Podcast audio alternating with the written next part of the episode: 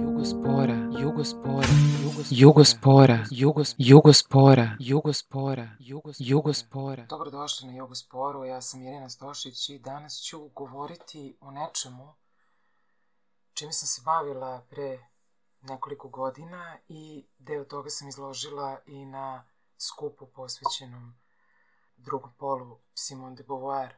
Ja bih odmah ukazala na vlastitu drugost među političkim teoretičarima i teoretičarkama feminizma, izučavateljkama knjiženstva i slično. I moram da naglasim da ću napraviti i prestup, to jest ovaj razgovor ću voditi sa samom sobom. I to sasvim nepripremljena, nenaučena, nenačitana i kao neka koja bolno improvizuje, začinje predstavu znanja, pretvara se da zna, a zapravo samo postavlja pitanja koje su i jedini mogući odgovori, dakle pitanja. Kako sam uzela ponovo da čitam knjigu Drugi pol, posle više od 20 godina, zapravo sam shvatila da sam provela godine koje su me suočile sa neizrecivom, nereprezentativnom i nereprezentabilnom boli. Uočila sam onda možda ne naučnu, možda sasvim afektivnu, možda čak i zloupotrebljavajuću kontekstualnu i konceptualnu liniju uvezivanja mišljenja o ženi kao drugom i o boli kao drugosti. Tako da, e, zamolila bih, kao što sam i tada zamolila, da me podnesete i da ponesete mali deo mog tereta, makar to služilo ničemu. Ako kako Simone de Beauvoir tvrdi, čovečanstvo nije životinska vrsta, nego istorijska stvarnost, problem drugog pola postaje istorijska manifestacija bolnog podređivanja žene jednoj istorijskoj stvarnosti, odnosno konceptu vrste. Dakle, žena je trenutak jedne vrste, prelazni proizvod, obmana same egzistencije. I kada se kaže da je ljudsko društvo antifizis, a da je žena koja je neizrasla u čoveka i neslobodna za ljudsko društvo, kada se za nju dakle kaže da je ona i fizis i antifizis, jasno nam je da de Beauvoir zamišlja žensku obivalenciju kao dvosmislenost ideje drugog. Ona je otelovljenje društva koliko i prirode, ona je rezime civilizacije jedne epohe kako je žena zarobljena u carstvu imanencije, materice i smrti, osuđena na kuhinju, crkvu, porod, žena je kao već pomenuti rezime epohe bolesno dete i 12 puta nečista. Ona ostaje u večitom maloledstvu i recimo da prosvetitelji nisu zapravo bili prosvećeni, a žena ni ne može biti prosvećena. Dakle, ona je u večitom maloledstvu, ona je baština muškarca, ona se prenosi sa oca na muža, Ona nadomešta fantazmatsku kastracijom, infiltracijom lutke, te postaje živom lutkom. Odriče se vlastite autonomije i Simone de Beauvoir eksplicitno izdvaja ovo kao bolno odvajanje. Dakle, ona se odriče vlastite autonomije i uči se drugom bivstvu. Ona je služavka i idol, primorana na ponavljanje imanenciju, ona ponavlja i rezimira istreno i neumorno i na tome gradi vlastiti dignitet. I nije li sve ovo navedeno jedno masivno, teskobno i repetitivno opšte mesto kada se govori o Simone de Beauvoir i to je njenoj prekretničkoj dvotomnoj studiji drugi pol? Kako bismo uspešno izmestili de Beauvoir i pojam drugosti sa ovih i svih kolonizovanih opštih mesta, ja bih se okrenula boli i bolima. Okrenula bi se boli kao fenomenu koji se redko razmatrao u kategorijama prava na bol. Ko ima pravo na bol? Čija je bol? ko i čime i kako meri bol. Postoji li ženska bol ili je svaka bol unapred i uvek feminizirana ili heroizovana, zavisno od prava na bol. U sve ovo možemo li zamisliti i ono što je najteže, drugost boli. Već neko vreme se bavim studijama boli, istraživanja se kreću širokim lukom, od opšte specijalističke interni, internističke medicine do medicinske humanistike, političke teorije, psihijatrije, psihoterapije i tako dalje. Često sam čula komentar pri susretu sa mnom i mojim problemima da sam još uvek revolucionarka koja nije izrasla u političarku, da se zapravo borim za utopije ne prihvatajući društvenu stvarnost. Ono što ja zapravo pokušavam da razvijem jeste upravo koncept čina boli ili bolnog čina, kao nekakve linije bekstva iz nepredstavljivosti boli u jeziku čin boli bi tako dakle nešto činio, pa bi i tome adekvatno pitanje bilo kako činiti bolima. Kako činiti stvari bolima. U drskoj blizini teorije govornih činova i pitanja kako činiti rečima. How to do things with words. I ja sam se i on omad izvinjavala na jaukanju, na pozivanju na ja instancu i u isti mah na ukazivanje na vlastitu bol.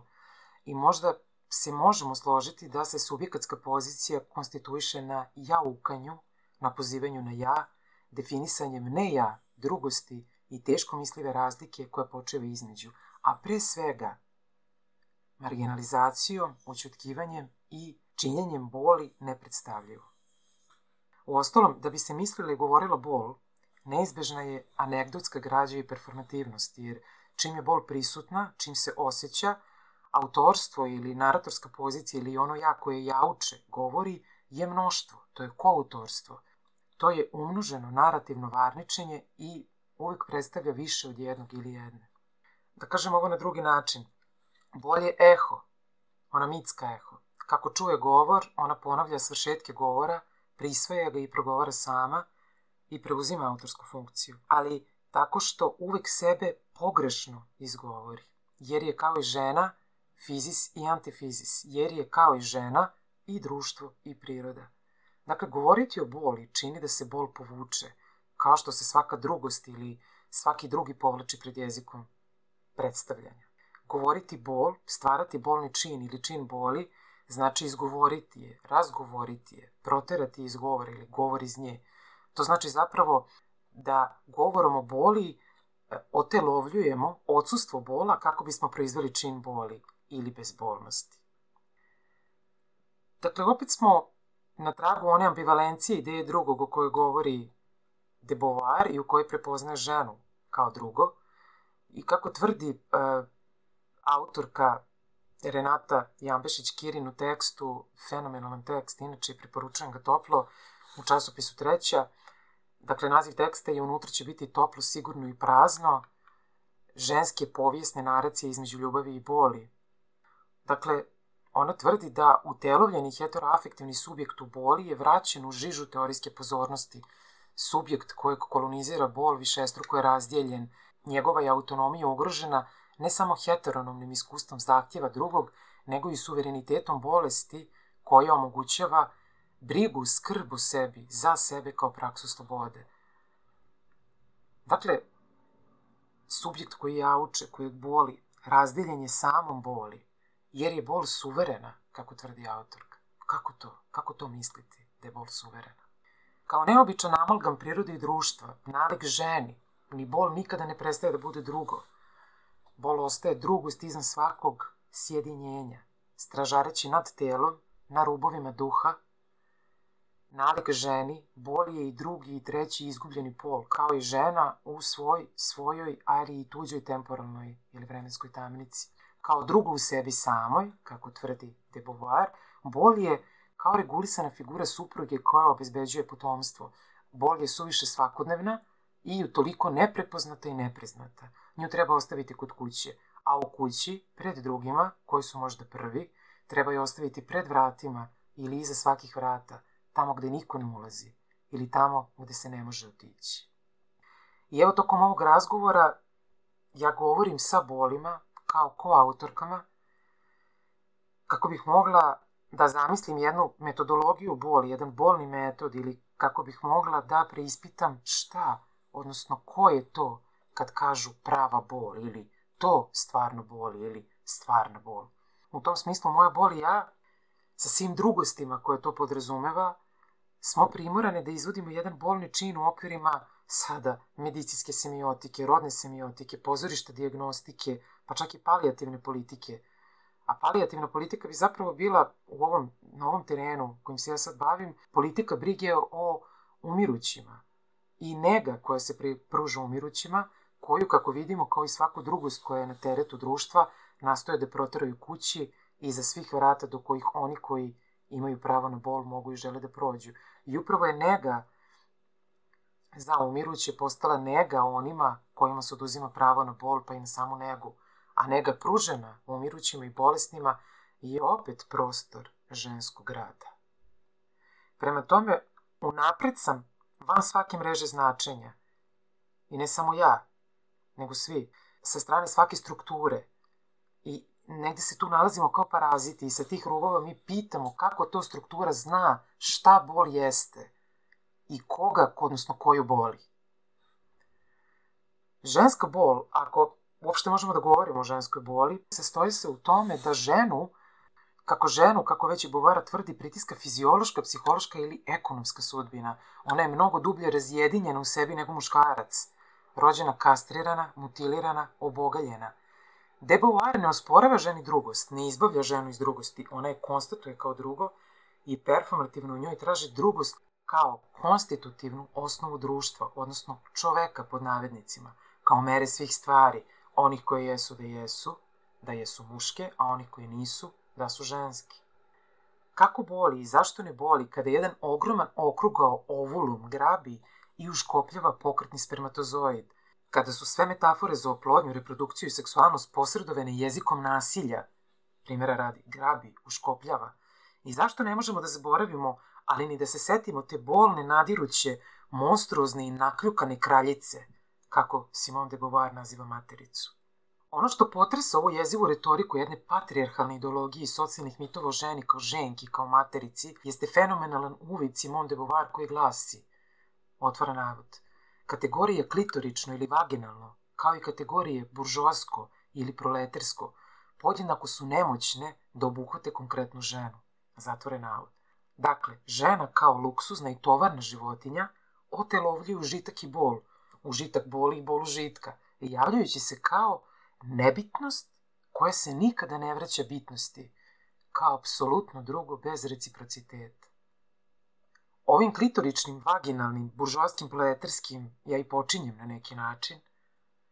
Ponovo počinjem kako bih kao žena bila adekvatni rezime ove epohe i njene kulture. Debovar izvodi zaključak da su istoriju žena stvarali muškarci, kao što u Americi ne postoji problem crnih, već problem belih, kao što antisemitizam nije jevrijski problem, tako je i problem žena uvijek bio problem muškaraca. A ja bih jaučući dodala, problem boli nije samo medicinski, nije samo problem bolesti, već i problem zdravlja. Mnoge boli dolaze od pretaranog zdravlja i vladavine zdravog razuma. Bol kao drugost i podrugojačenje jeste zahtevno mesto za mišljenje nužno je raskrstiti sa dualizmima telo, duh, um. Ukoliko zaista želimo da preosmislimo i prevrednujemo forenziku boli, moramo to činiti u boli, iz boli, sa bolima, bolno porađujući subjekta u boli. Moramo se zbližiti sa autoreferencijalnom boli koja upućuje naš pogled na neki fantazmatski prostor bolesti i žaljenja. Katerina Kolozova u jednoj knjizi smatra da je patnja, solidarnost u boli, trauma, mučenje – zapravo stradanje lišeno humanosti i da je ono što delimo u zajedničkoj ljudskoj patnji upravo sama patnja, sama bol, a ne humanost. Dakle, ne delimo humanost, ne delimo čovečnost, delimo bol, ali na nekom nivou života od danas do sutra, bol koju znamo, ali opet moramo da izvodimo, kao što izvodimo i rodne uloge, jeste upravo fizička bol, prelingvistička, možda prediskurzivna, življena, događajna bol – Ipak ne možemo tako lako odvojiti fizičku bol od društvene, političke ranjivosti, izloženosti, trauma i tako dalje. Jedno od osnovnih pitanja je sledeće. Može li bolni čin imati političko-ontološke efekte? Drugim rečima, možemo li pretpostaviti da biti u boli ili biti sa bolima, gde je bol drugost, jeste ontološko ili možda čak utvorološko određenje biće kao takvog?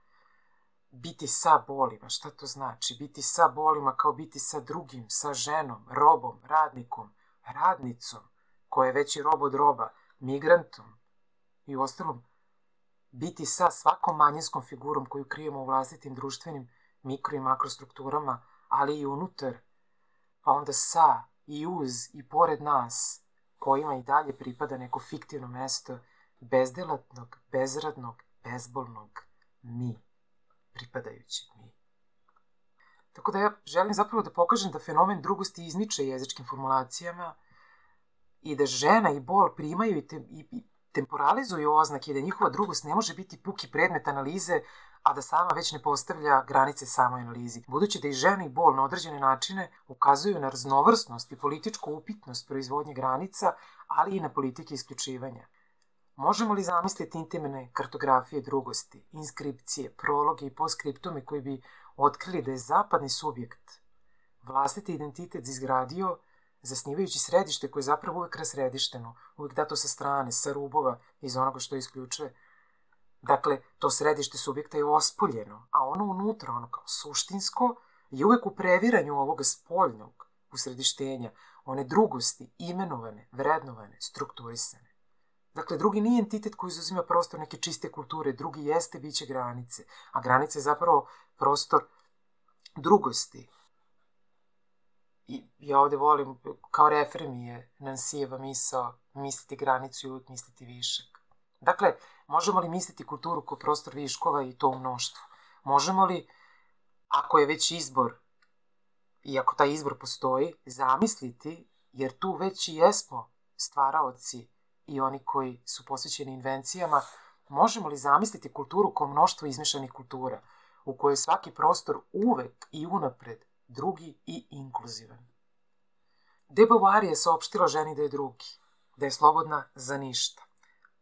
Ali upravo na tom mestu koje se uporno razmešta možemo zaključiti da je mesto subjekta pretpostavljenog prvog zapravo razmešteno mesto drugosti i da je upravo drugost konstitutivna. De Beauvoir tako ukazuje na binarnu mašinu koja ženu smešta na senovite mračne prostore pod jedan, pasivnosti. Na što ja dodajem, ona može odatle proizvoditi radikalno pasivne otpore. Pod dva, raspršenosti. Opet odgovara, Odatle može decentralizovati svako jedinstvo, svoju vokaciju žene koju prihvata kao devojčica. Po tri, materije, koja je formativna. I naravno, mračni prostori nereda, kojim žena remeti telesni, reproduktivni, politički, mentalni i ekonomski poredak koji je osuđuje na beznačajnost. Thank you.